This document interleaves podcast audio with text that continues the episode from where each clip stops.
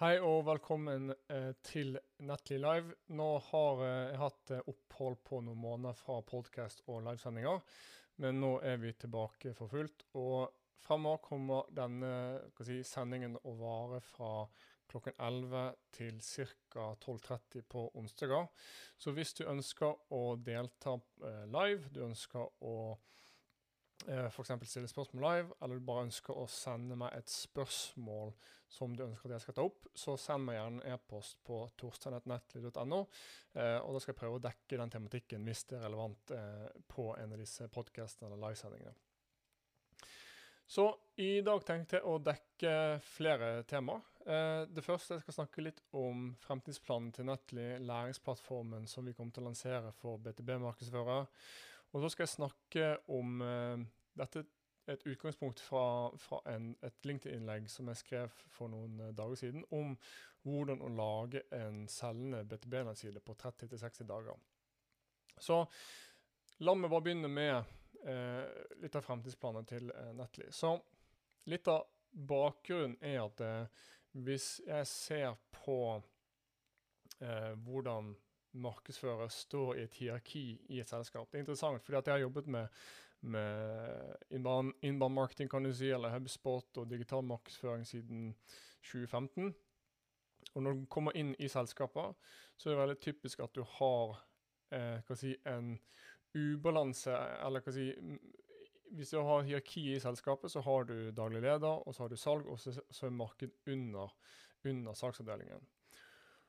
Og det som er en veldig vanlig situasjon i et, eh, et typisk BTB-selskap, er at hvis du ser på antall ansatte i hver avdeling, så er det veldig vanlig at du har kanskje én markedsfører for ti selgere. Jeg har også sett eksempler på 20 selgere og én markedsfører, eller kanskje det er en person som jobber del, altså deltid eller delvis eh, med markedsføring. Så de prosjektleder, kontorsjef, kanskje din selger med litt markedsføringsansvar. Det er litt forskjellig, men i veldig veldig, veldig mange tilfeller så har man ikke noe dedikert rolle for markedsføring. Og hvis vi ser på noen av jobbannonsene som ligger der ute for markedsfører, eller for de som ansetter markedsfører, så er det jo Det virker som at ledere forventer at du har At du kan ansette én person, men hvis du kan litt om markedsføring, så vet du at den personen skal dekke, eller forventes at den personen skal dekke eh, en hel markedsavdeling. Så de skal, kunne innhold, de skal kunne videoredigering, de skal kunne filme en video, sosiale medier, betalt annonsering, CM-system, marketing automation, landesider, nettsider. Så det er utrolig mange oppgaver som, som forventes at en markedsfører skal kunne gjøre. Og så er det gjerne slik at kanskje ikke kompensasjon, altså lønn den markedsføreren blir tilbudt, er helt i samsvar med verdien det de klarer å levere eh, til selskapet. Og jeg tror Eller det er ikke nødvendigvis at det er slik at ledere har en dårlig intensjon. Det, jeg tror det handler mer om at mange ikke vet hva som kreves for å gjennomføre en god digital strategi. Hva det, hva det kreves å implementere inbound marketing, sette opp et CRM-system som HubSpot eller Salesforce. Eh, det å eh, sette opp Google Ads, det vil si bare noe, noe som er veldig enkelt og kort, eh, eller fort gjort å, å, å, gjennomføre på. Så jeg tror folk, ledere rett og slett ikke vet hva som går inn i det å lage en vellykket strategi, og hvor lang tid det tar, og hvor mye ressurser det faktisk krever for å for, for å gjennomført det på en, en, på en, måte der man kan få varme innkomne henvendelser på en jevnlig basis fra, fra, fra, digitale kanaler. Og når det kommer til trendene vi ser i markedet, og hvordan kjøpsprosessen innen BTB, og egentlig både for BTB og BTC, men Kanskje BTB henger litt etter, men det vi ser når det gjelder statistikk eh, innenfor BTB-markedsføringsverden eh, Det er for en interessant statistikk fra Gartner som sier at eh, bl.a. at 60% av kjøpsprosessen den er gjennomført før en kjøper engasjerer seg med et selskap. Altså, da jeg, eller mener jeg liksom at du, du, kommer ganske langt inn i kjøpsprosessen før en person faktisk tar kontakt med salg. Eh, og denne statistikken det er, fra, det er fra Gartner. den sier også at kjøper bruker bare 17% av tiden sin på å snakke med potensielle leverandører. Men hvis kjøperen snakker med flere leverandører, så blir den tiden man får, eller hver selger får, vil bli redusert veldig kraftig. Og da får en enkeltselger, ifølge Gartner, kun 5% av tiden som blir brukt. Og Jeg vet ikke om det her gjelder akkurat uh, i like stor grad i Norge, men jeg er ganske sikker på at det er fall, den trenden vil også uh, gjelde i, i, i, Europa. Uh, selv om kanskje Gartner er et amerikansk selskap, og dette er eh, amerikansk forskning, rett og slett. Og så når det kommer til millennial-generasjonen, det er den generasjonen som jeg er medlem av, så å si. Det er de som er i midten av 20-årene til slutten av 30-årene. Og dette er personer som gjerne starter selskaper, som er blitt mellomledere, og noen har blitt toppledere.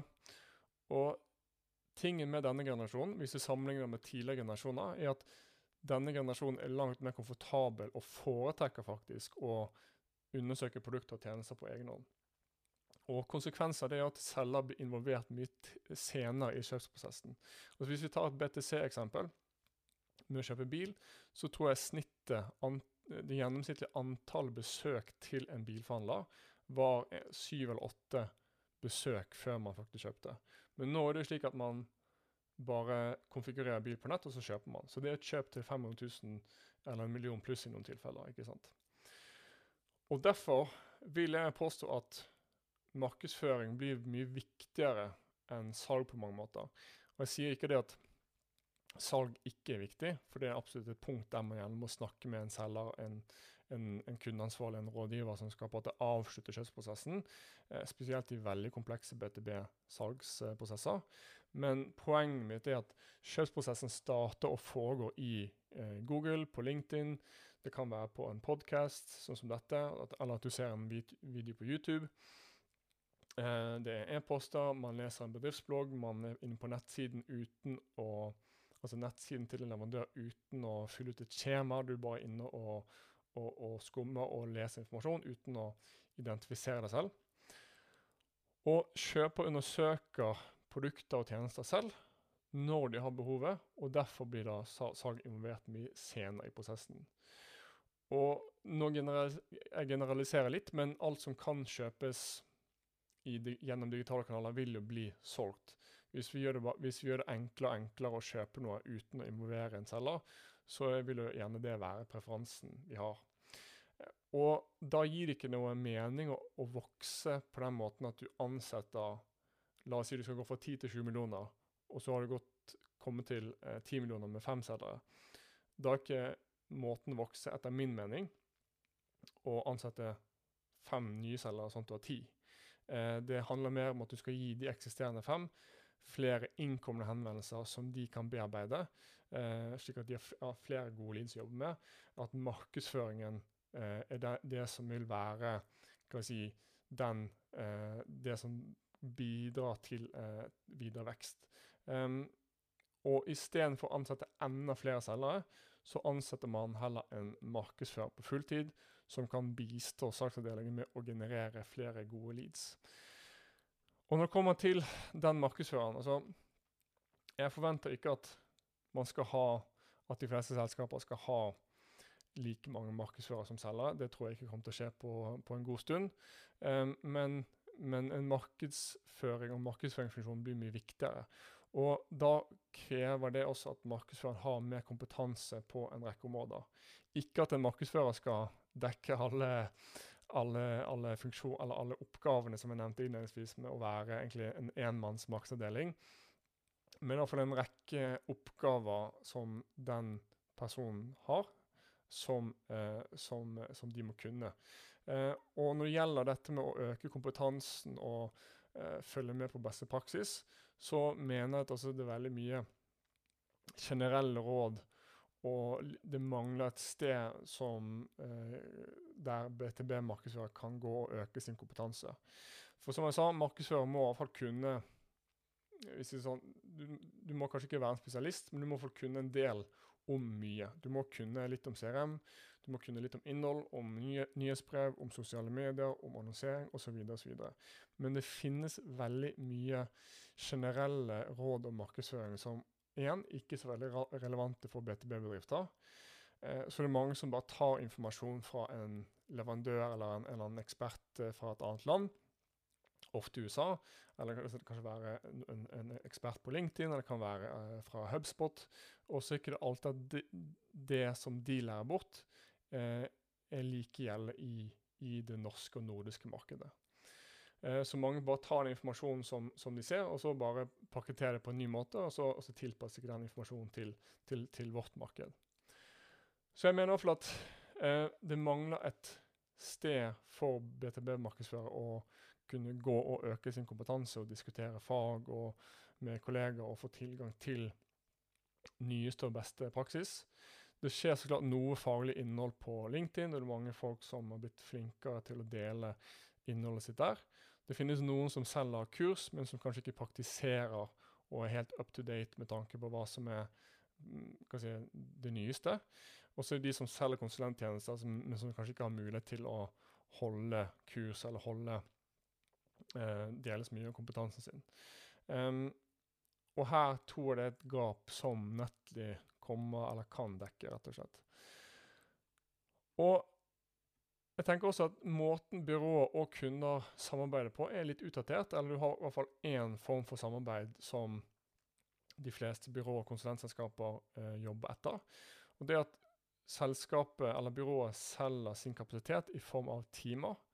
Eh, noen oppgaver gir det så klart ikke mening for et uh, lite eller middels stort uh, norsk BTB-selskap å å ansette for.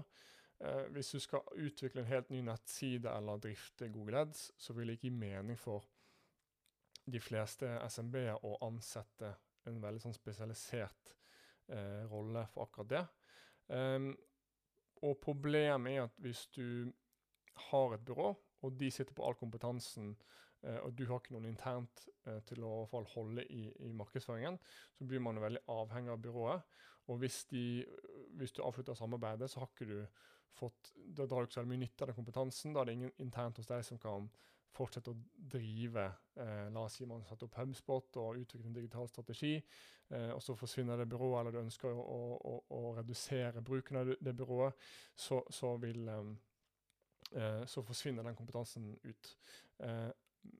Det som jeg mener er idealet, er at man kanskje jobber med et byrå i en viss tid, man bygger ny nettside, setter opp Google Ads og setter opp HubSpot eller et annet serum. Men på sikt så mener jeg for at idealet er at en person eh, at du ansetter en person fulltid som kan på det drifte det, eh, drifte det eh, måned til måned. Eh, ikke alle selskaper kan betale titusener av, av kroner i måneden eller 500 000 til en million pluss i, i året for å få tilgang til den kapasiteten og kompetansen. Eh, og da har de ofte ikke noe særlig alternativ. Eh, da, de, da, da, må de gjøre alt selv, men de får kanskje ikke tilgang til den kompetansen som de trenger for å gjennomføre på en moderne digital strategi. Så med den bakgrunnen så Det som jeg ønsker å uh, gjøre, eller det som er framtidsplanene til, til Netly, er at uh, vi kommer til å lansere en læringsplattform for de som jobber, for, jobber, innenfor salg og markedsføring mot bedrifter. Så som jeg sa, idealet er da at man har en person internt som, uh, som eier markedsføringen, men de må jo ha tilgang til kompetanse for å kunne eh, gjennomføre sin, sine arbeidsoppgaver på en god måte. Eh, idealet som sagt, er at kanskje du har et byrå som gjør veldig spesialiserte oppgaver i en begrenset tidsperiode. Kanskje det er tre måneder, kanskje det er ni måneder eller 18 måneder. Men på et eller annet tidspunkt så vil byrået ikke være så verdifullt for selskapet lenger. Da har man på en måte kommet til et, et punkt der man ikke har like mye skal vi si, avkastning på det samarbeidet. Men du bør ha en intern markedsfører som kan sende nyhetsbrev, publisere artikler i om du bruker Hubs på CMS eller Wordpress CMS eller andre. Uh, og administrere sosiale medier og den type ting. Og både, hvis du har bygget strategien og, og, satt opp alt av teknologi og nettsider og sånt, så vil det bli mye enklere for en markedsfører å drifte det, si, det på maskineriet uh, over tid. Men det som, det som er fremtidsplanen, er at vi lanserer en læringsplattform for BTB-markedsførere, der man får tilgang til informasjon, videoer, kurs relatert til HubSpot CRM, innholdsproduksjon, LinkedIn, hvordan bruke video i saksprosessen, og mye mer. Og så vil det så være et, et samlings, en samlingsplass når det gjelder eh, opptak av arrangementer, enten om det er fysisk eller digitalt. Eh, en rekke verktøy som vi anbefaler. Så eh, vi, ut, vi, anbefaler HubSpot, men det er også en rekke andre verktøy som vi anbefaler å bruke som en del av en større digital strategi. Det vil være et, eh, et forum for personer som jobber med BTB, markedsføring og salg, eh, der de kan få kompetansen de trenger eh, slik at en markedsfører vil bli en veldig betydelig bidragsyter til omsetningen i selskapet. Og altså et håp at folk kan få bedre stillinger, få bedre lønn, og at markedsføring som en fun funksjon for bedre omdømme, rett og slett. At det ikke bare er en funksjon som skal både lage eh, pene ting og pe kule videoer og eh, bare noen, noen, innlegg på sosiale medier, men at man kan faktisk ha en målbar, sporbar effekt og bidrag til omsetning. Tanken er at noe vil være gratis, noe vil være betalt, men ønsket mitt er jo så klart at den beste informasjonen skal være gratis, og det skal være nok informasjon gratis til at du skal komme svært, svært langt hvis du ønsker å implementere ting selv, og ikke bruke et byrå som Nettly til å si, eh, implementere for deg. Og som jeg sa innledningsvis, jeg kommer til å holde disse livesendingene uh, ukentlig, så det blir en, en form for gratis konsultasjon. Så hvis du har spørsmål, spesifikke spørsmål til, relatert til BTB, maksføring, innholdsproduksjon, Hubspot og lignende, så vil det være gratis for alltid og enkelt tilgjengelig for deg å delta på og få, få uh, økt din kompetanse på den måten.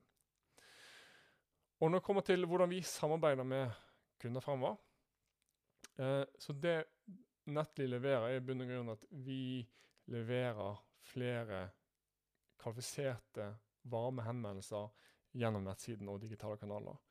Eh, og hjelpe en saksavdeling med å få flere kvalifiserte møter gjennom nettsiden.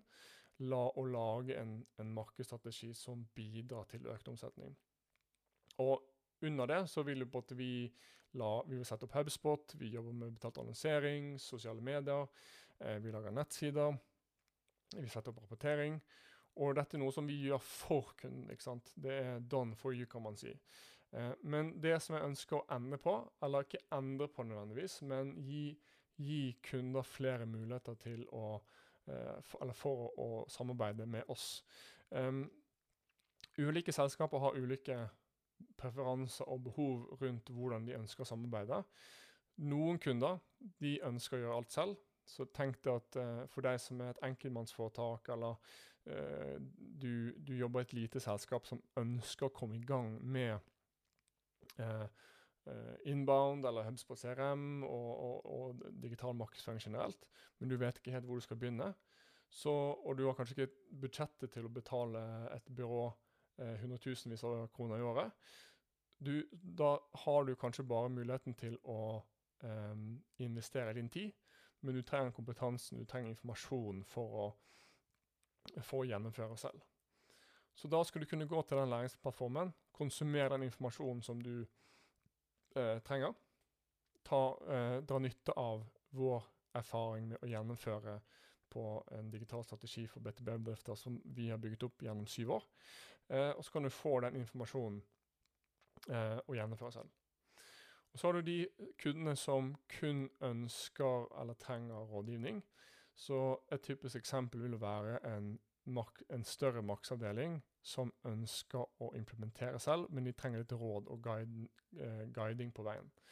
Så de trenger bare en, de trenger informasjon, men de trenger også rådgivning underveis. Så det vil også være en måte for, for uh, de å jobbe ja, sammen med oss på, at de får tilgang til en læringsplattform, men også én-til-én opplæring og guiding underveis. Og så er det siste, som er si, den tradisjonelle formen for eh, samarbeid, som er den måten de fleste byråer jobber på allerede, som er mer som full service, at man gjør alt. Um, men igjen, for bare for å gjenta meg selv, ambisjonen og idealet, mener jeg, er, og dette sier jeg som en, en person som eier et selskap som, som, som selger sin kapasitet og selger sin eh, tid til bedrifter, er at idealet er at du har en person internt som gjennomfører mange av de oppgavene. At du sitter på mye av kompetansen internt. For du trenger, du trenger en markedsstrategi, du trenger å intervjue kunder, sette opp HubSpot og en rekke andre markedsføringstiltak og salgstiltak som skaffer deg kunder. Men uavhengig om du ønsker å gjøre alt selv, eller du ønsker en sparingspartner som gir, gir, deg gode råd på veien, eller en som håndterer alt, så skal man kunne gjøre det uh, og finne det i, i, i Nettly. Så hvis du ikke kan investere masse penger i et eksternt byrå, så kan du i det minste få tilgang til informasjon, komme i gang med, med uh, HubSpot CRM, uh, komme i gang med uh, å lage en enkel nettside, lage innhold, enkel annonsering, og så vil du kunne komme langt på vei med veldig beskjedne med, altså Du investerer din tid, men du trenger ikke investere så mye uh, uh, penger for, for, å komme, komme, i gang. Så denne læringsplattformen den er faktisk allerede live. den har allerede et, det første gratiskurset oppe, som er et gratis kurs i hvordan du setter opp HubSpot CRM på en ideell måte. Um, så hvis du som hører på ønsker å få tilgang, så ta kontakt med meg på torsteinnettnettly.no. Da er det Torstein med H. Eh, og så skal jeg få sørge for at du får tilgang, eh, også at eh, selvfølgelig at du gir litt innspill på hva som er bra, hva som er dårlig, hva som kan forbedres. Så det er litt om fremtidsplanene til eh, Eh, og håper at eh, det er noe som folk er interessert i å eh, teste ut. Så igjen, ta kontakt hvis eh, det er interessant eh, for deg. Det neste temaet jeg tenkte å dekke, det er hvordan lage en god BTB-nettside. Og hvordan du gjør dette på en enklere, mer kostnadseffektiv tilnærming eh, enn den tradisjonelle tilnærmingen som du kanskje er vant til. Eh, du har kanskje et litt utdatert design, Innholdet ikke så oppdatert. Eh, du får kanskje ikke resultatene du ønsker via digitale kanaler. Og du har et ønske om å redesigne nettsiden. Så hvis du får lite besøk til nettsiden, du får ingen leads, kanskje nettsiden ser kul ut, og du, du har fått den der reklamebyråbehandlingen, så å si. Du sier at det, eh, nettsiden ser fancy og kul ut, men den gir ikke noe særlig resultater med tanke på trafikk og henvendelser og møter. Den er litt sånn statisk, eh, selv om den ser bra ut. Eh, det kan være at nettsiden ikke er tilpasset mobilenheter. Eh, det kan være at den ikke laster inn og selger raskt, og du har en dårlig brukeropplevelse. Og hvis du da står foran en, et valg om å redesigne din nettside, så tenker du kanskje uff, nå må jeg gjennom den redesignprosessen som du kanskje har vært borti før. Og den, hva si, det, det som typisk skjer i en sånn redesignprosess.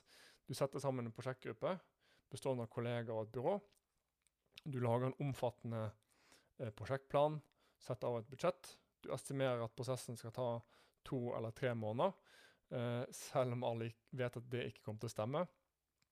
Eh, det tar egentlig fem-seks måneder. Det er en veldig frustrerende prosess for alle parter, for, for, eh, for de ansatte i selskapet og også for byråer som gjør jobben. Um, du betaler kanskje en høy engangskostnad som for noen påvirker likviditeten. Um, det kan fort bli veldig mye fokus og delte meninger på designet, og prøve å gjøre så mange som mulig fornøyd. Um, at du har en sånn komité der alle skal være 100% fornøyd, og så ender det opp med at det bare blir noe sånn uh, en rekke kompromiss som bare gjør at nettsiden ikke blir så bra som den kunne. Eh, under prosessen er det veldig typisk at det skjer endringer underveis, eh, gjerne fra ledelsen f.eks., eh, som forsinker. Så Prosessen er jo gjerne slik at man skriver innholdet, du designer nettsiden, og så utvikler du. Men ofte er det slik at noen vil hoppe tilbake et steg. Kanskje de vil hoppe tilbake til eh, designstadiet når man er på utviklingsstadiet. Noe som gjør at prosessen med å utvikle en nettside tar veldig mye lengre tid og koster mye mer enn det man har estimert. Um, det som ofte skjer, er at nettsiden blir veldig statisk, og den blir knapt uh, oppdatert inntil neste redesign om to til fem år. Uh, og når man har redesignet nettsiden, så kan den være veldig vanskelig å administrere. Uh, det er vanskelig for la oss si at det er en markedssjef eller en markedskoordinator som skal håndtere liksom, selve driften av nettsiden. den, ofte er det mange av de CMS-ene, altså publiseringsløsningene, som blir brukt, som kanskje er litt knotete og lite brukervennlig å, å, å um, bruke for en person som ikke er så teknisk av seg. Og så blir du veldig avhengig av konsulentselskapet eller byrået som har utviklet nettsiden. Så oppsummert så er den prosessen veldig tidkrevende og frustrerende. Eh, nesten alltid dyrere enn det man har budsjettert. Eh, det er veldig sånn styrt av meninger. Endringer tar mye tid. Og også når nettsiden er lansert, så er det vanskelig å bruke og den blir ikke oppdatert i noe særlig grad etter lansering, så det er en statisk side. Så det som jeg ønsker å gå gjennom i dag, er jo å gi deg en sånn overordnet steg-for-steg-plan for hvordan jeg ville gått fram med å lage en ny nettside på langt kortere tid enn fem-seks måneder, som skaper bedre resultater. Eh, sånn at du kan slippe, eller i hvert fall redusere veldig mye den design- og kodejobben og at du får en enklere nettside å administrere for en markedsavdeling, og at nettsiden er integrert med CRM-systemet ditt, slik at, du, slik at, dine selgere får innsikt i bl.a. hvilke selskaper og kontakter som er mest aktive og engasjerte på nettsiden. Det er jo veldig greit å ha med tanke på ok, hvilke kontakter og selskaper skal vi prioritere når vi skal følge opp eh, potensielle kunder. Um, hvordan du kan spre investeringen din over eh, lengre tid, sånn at det ikke påvirker likviditeten i like stor grad, og at du kan få lansere den nettsiden eh, på noen få uker istedenfor ja, i beste fall tre måneder, men ofte kanskje mer nærmere, altså fem eller seks måneder. Så i tillegg så også lage en nettside som lar deg optimalisere basert på data. Eh, og kvalitative innspill fra kunder. Um, og at du istedenfor at du har denne tilnærmingen med uh, at, du har, uh, at du har et redesign hvert uh, andre, tredje, fjerde, femte år, så har du heller en holdning med at nettsiden er aldri helt ferdig. Du skal kontinuerlig forbedre den underveis, slik at nettsiden i bunn og grunn blir din beste selger. Um, så før jeg begynner eh, Jeg brukte begrepet CMS i sted. Så eh, CMS, hvis du ikke kjenner til det begrepet, så betyr det Content Management System eller publiseringsløsning. Så det er bare en forkortelse for, eh, for eh, publiseringsverktøy. Og det er det du bruker for å administrere innholdet på nettsiden. Så eh, Eksempler ville være Wordpress er det mest brukte CMS i verden. Du har Webflow, du har Craft, du har HubSpot CMS. Så jeg, når jeg bruker det begrepet, så er det det det betyr. Så prosessen eh, La oss si at jeg hadde maks 60 dager. Jeg er sikker jeg har lansert nettsider på mye kortere tid enn det her. Eh, men 30-60 dager bør være mer enn nok for de fleste BTB-selskaper. Og når jeg tenker liksom på den, den, gjennomsnittlige norske BTB-selskapet som har eh, 10-50 ansatte, og som eh, ønsker seg en ny nettside. Eh, forutsetningen er jo så klart at selskapet har en grafisk profil og logo og den type ting. Um, altså um, skrift, farge, logo, uh, alt det her. Men prosessen jeg ville tatt, vil være først ta de to første ukene, dag 1 til 14. Det første jeg må gjøre, er å lage en strategi og plan for nettsiden. og Da vil jeg se på historiske tall. Hva har fungert og hva har ikke fungert.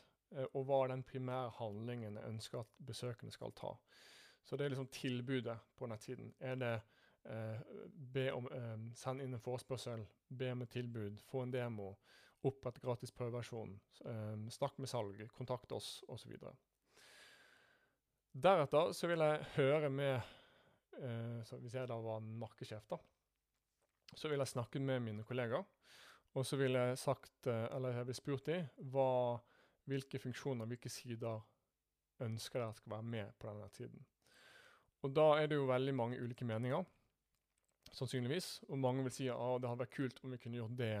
Eh, kunne vi hatt den og den funksjonen. eh, vi skulle hatt en side som gjør det her. Um, men det du prøver å lage her, er bare en ønskeliste.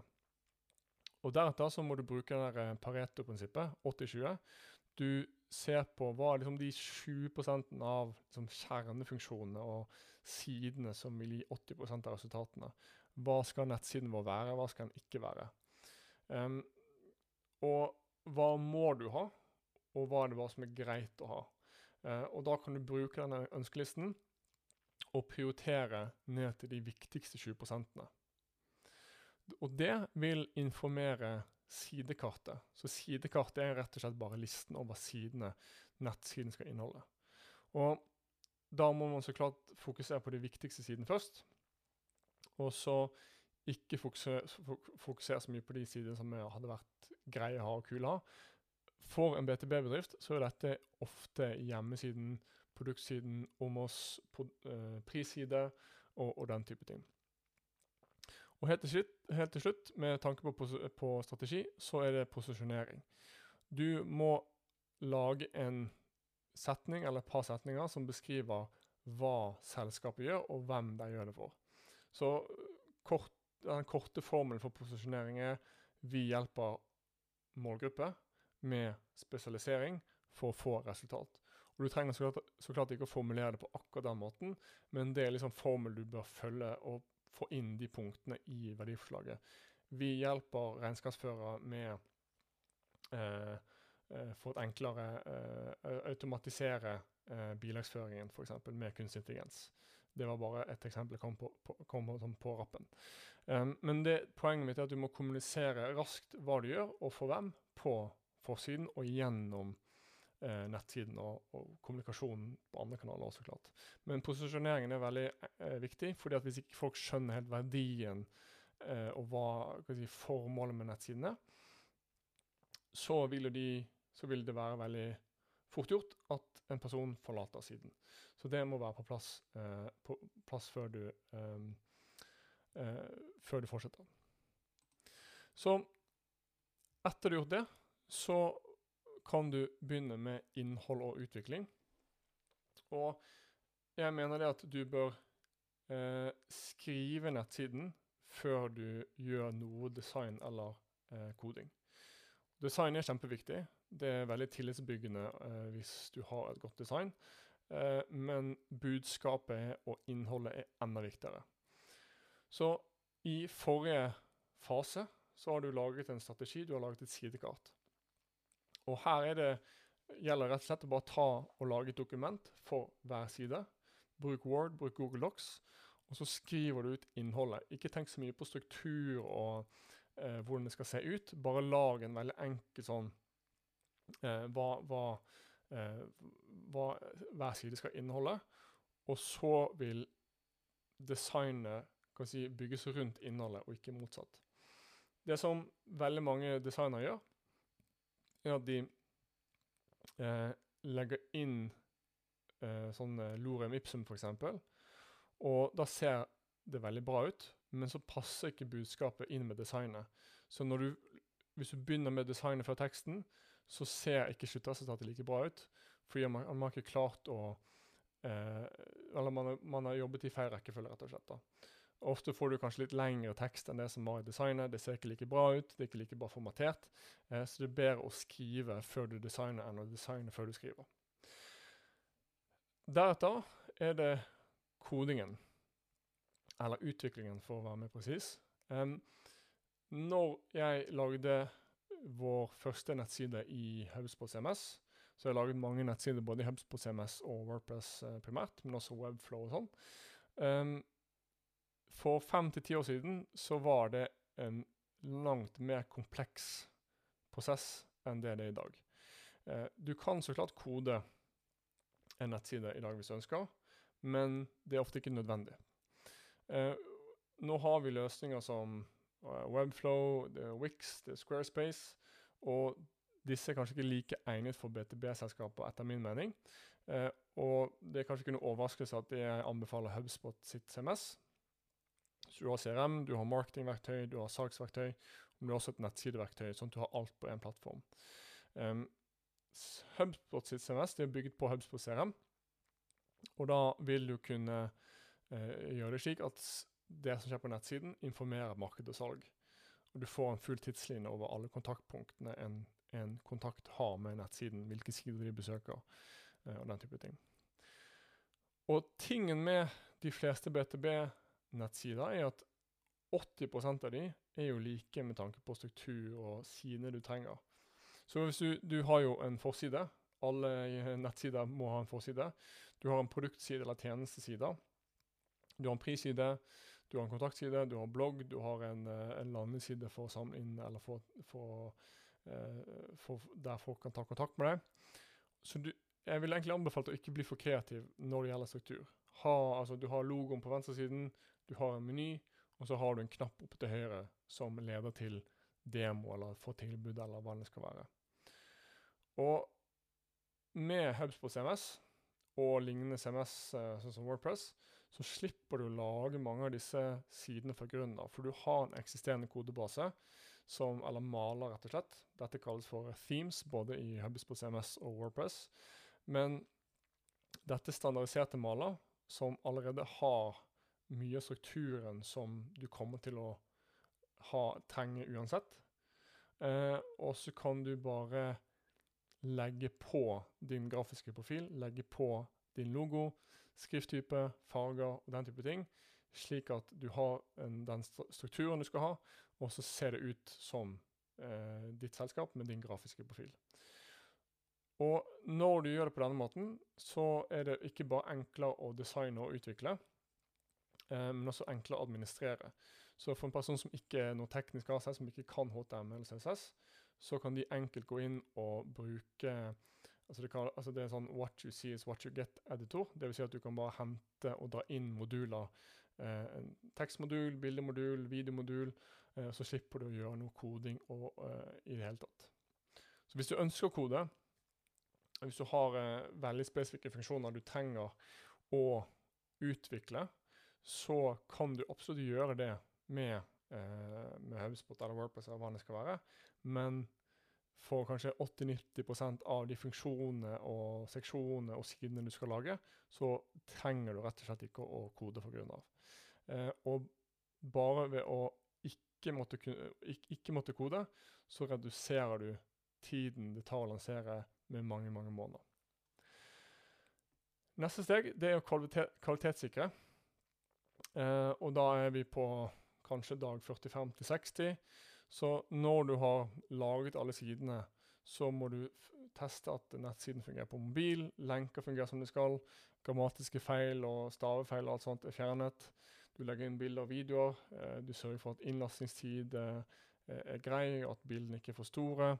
Du må sørge for at skjemaer blir eh, eller henvendelser blir rutet til riktig person internt osv. Og, så og nå kommer den viktigste fasen, som er kontinuerlig forbedring. Og det går jo fra dag eh, 60 ca.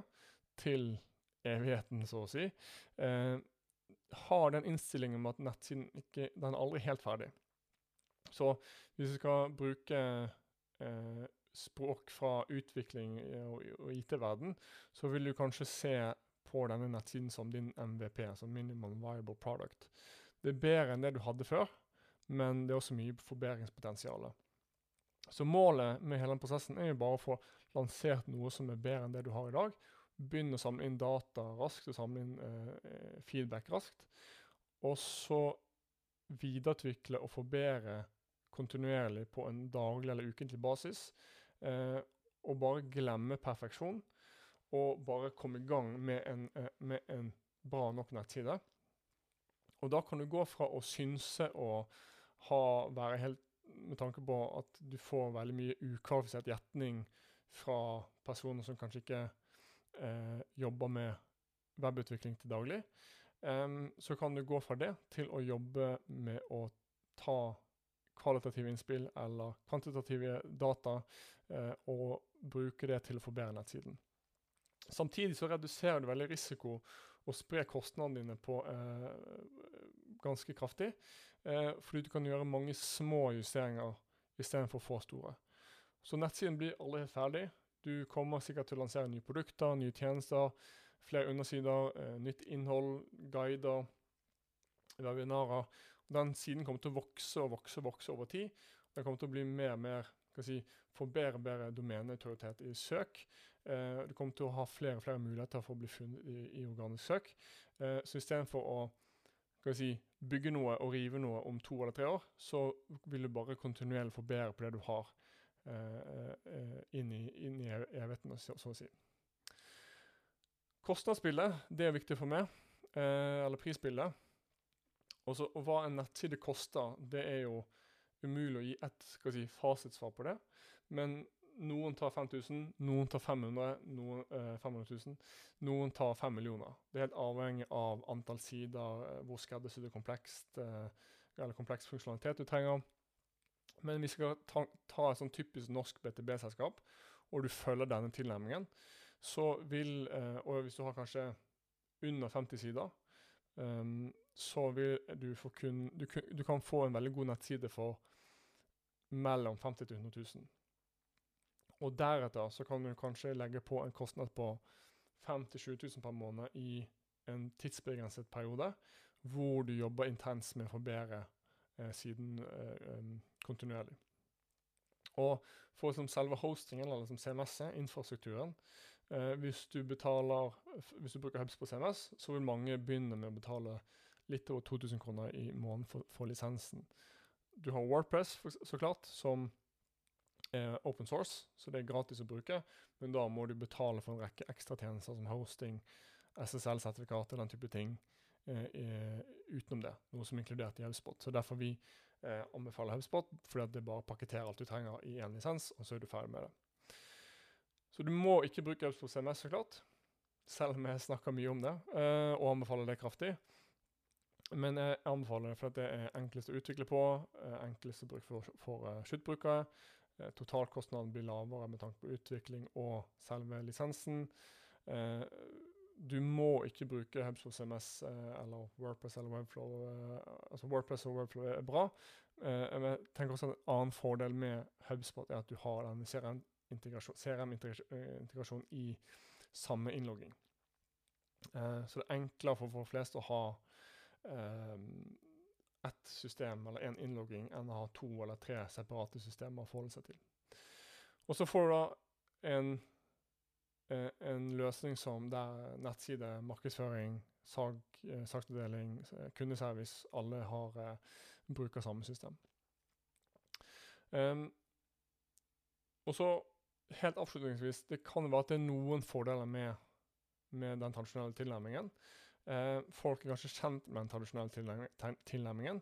At eh, det er noe leder forstår, noe som de har vært gjennom før.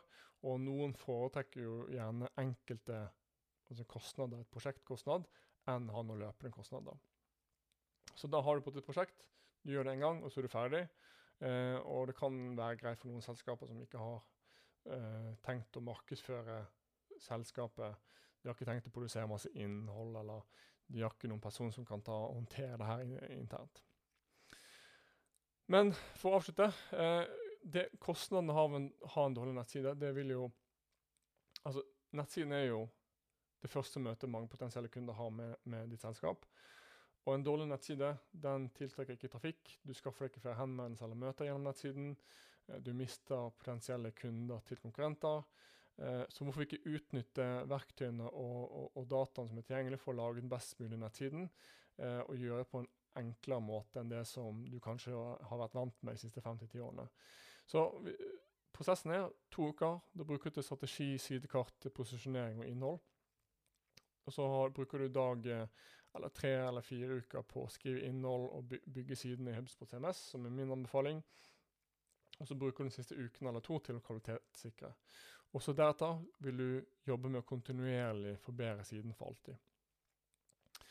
Så det var alt jeg hadde for eh, i dag. Jeg håper det var hjelpsomt. Eh, igjen, Hvis du har noen temaer du ønsker at jeg skal diskutere, send meg gjerne et spørsmål til torstein.nettløy.no. Eh, så takk for at du hørte på, eller så på, eh, og så ses vi neste uke.